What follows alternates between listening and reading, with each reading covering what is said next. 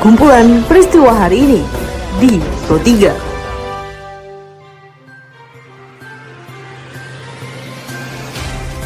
Halo pendengar, selamat berjumpa kembali di podcast Pro 3 RRI dengan kumpulan peristiwa yang terjadi pada hari ini. Seperti biasa, pendengar pada podcast ini saya akan mengulas isu-isu aktual yang masih hangat juga ramai diperbincangkan di sekitar kita. Tentu saja nanti akan saya hadirkan cuplikan informasi dari reporter kami. Saya Tika Nantia, inilah kumpulan peristiwa Pro 3 di ruang dengar Anda.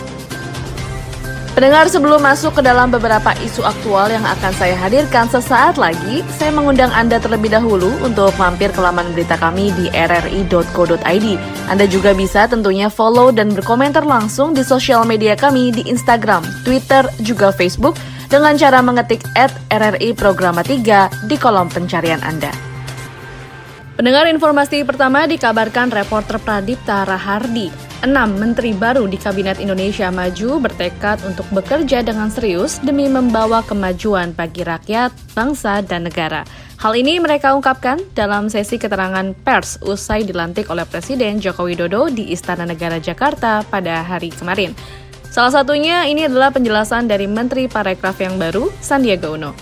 Karena kita harus bergerak secara cepat bahwa Presiden arahannya dan Bapak Wapres bahwa dalam satu tahun ini harus ada quick harus ada perubahan yang mendasar pada saat kita berbenah terhadap destinasi-destinasi lima super prioritas. Jadi kita harus berinovasi mulai daripada busananya, tari-tariannya, 360 degree uh, inovasi dari segi infrastrukturnya dan segala yang berkaitan baik dari pariwisata dan ekonomi kreatif kuliner, uh, fashion, pria, dan lain sebagainya. Pendengar meski diakui adanya gejolak harga di sejumlah pasar tradisional, namun Bulog Kalimantan Tengah memastikan stok sebagian sembako aman hingga awal tahun 2021. Dilaporkan reporter kami, Edi Suroso, berikut pernyataan dari Kepala Divisi Regional Badan Urusan Logistik Bulog Kalimantan Tengah, Mika Ramba. Saya minta memang minta perlakuan khusus kita untuk persediaan sampai uh, Hari Besar Keagamaan ini tercover sampai Januari, Pak. Kita kan sekarang fokus ke Hari Besar Keagamaan Natal ini, Pak. Cuman stok saya di sini lebih dari cukup kok, Pak, untuk sampai bulan Januari seperti gula, tepung terigu, minyak goreng, utamanya beras, itu cukup sampai akhir eh, Januari 2021 Pak. Yang pasti kami ada daging Pak, daging beku kami ada sapi dengan kerbau. Daging sapi itu sekitar 90-an Pak ya. Ayam beku itu 34 Pak. Informasi lainnya pendengar mantan Menteri Kelautan dan Perikanan Edi Prabowo dan istri ini diduga menggunakan uang korupsi izin ekspor benih lobster untuk berfoya-foya.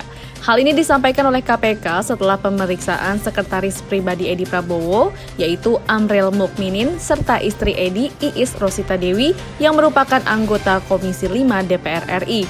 Dilaporkan reporter Khairul Umam, berikut pernyataan dari PLT juru bicara KPK, Ali Fikri. Saksi Amril Mukminin yang juga telah ditetapkan sebagai tersangka dalam perkara ini di mana uh, tim penyidik KPK menggali lebih lanjut pengetahuan dari saksi Amir Mukmin ini soal adanya arahan tersangka EP mengenai penggunaan uang yang diduga bersumber dari penerimaan atas uh, izin ekspor benih lobster. Penggunaan uang dimaksud antara lain untuk pembelian uh, sejumlah unit mobil dan juga sewa apartemen untuk pihak-pihak lain yang saat ini masih akan terus didalami oleh tim penyidik KPK.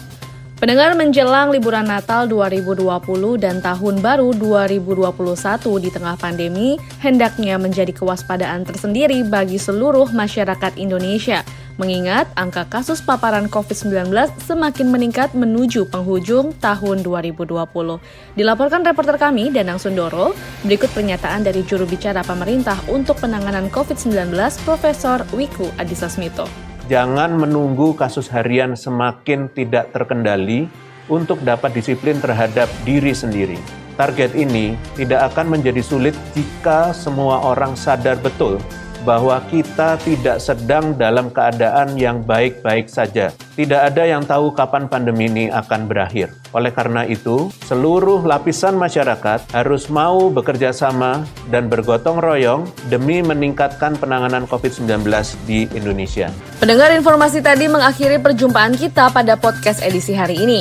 Dengarkan terus podcast edisi hari ini dan juga hari lainnya di Spotify dengan hanya mengetik Pro 3 RRI di kolom pencarian Spotify Anda. Baiklah pendengar, tetaplah menjaga jarak, ikuti protokol kesehatan dengan baik, dan teruslah mengikuti berita terupdate di Pro 3 RRI. Saya Tika Nantia, beserta dengan tim editor podcast kami Karisma Rizky undur diri. Sampai jumpa. Jalanan ibu kota DKI Jakarta masih Kumpulan peristiwa hari ini di Pro 3.